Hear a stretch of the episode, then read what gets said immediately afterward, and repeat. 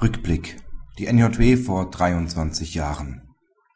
Kein Ärger mehr wegen verpasster Fristen im Reiserecht. Wäre ich doch besser zu Hause geblieben, hat sich wohl schon mancher Urlauber gedacht, der auf der Reise nicht das bekommen hat, was ihm versprochen wurde. Und erfährt er dann von seinem Anwalt, dass die Ausschluss bzw. Verjährungsfristen des § 651g Absatz 1 und Absatz 2 BGB für die Gewährleistungsrechte abgelaufen sind, bekommt der Anwalt seinen Ärger zu spüren. Erst recht, wenn ihm erzählt wird, dass die Fristen auch bei Unmöglichkeit von Teilleistungen oder beim Ausfall einer Reise gelten.